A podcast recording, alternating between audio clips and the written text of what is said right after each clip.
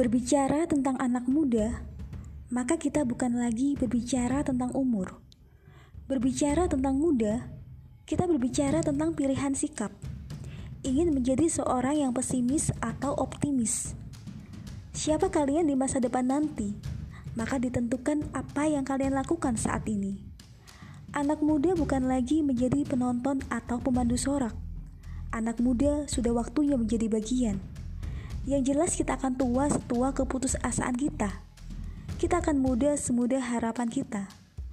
Selama harapan, keyakinan, dan optimisme itu masih ada di dalam dada, maka kita akan selamanya muda.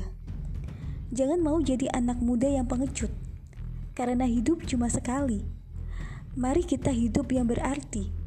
Akan ada yang berubah, akan ada yang bertahan tapi satu yang pasti, harapan, keyakinan, dan cita-cita harus terus diberjuangkan. Karena anak muda adalah pemimpin masa depan generasi penerus bangsa.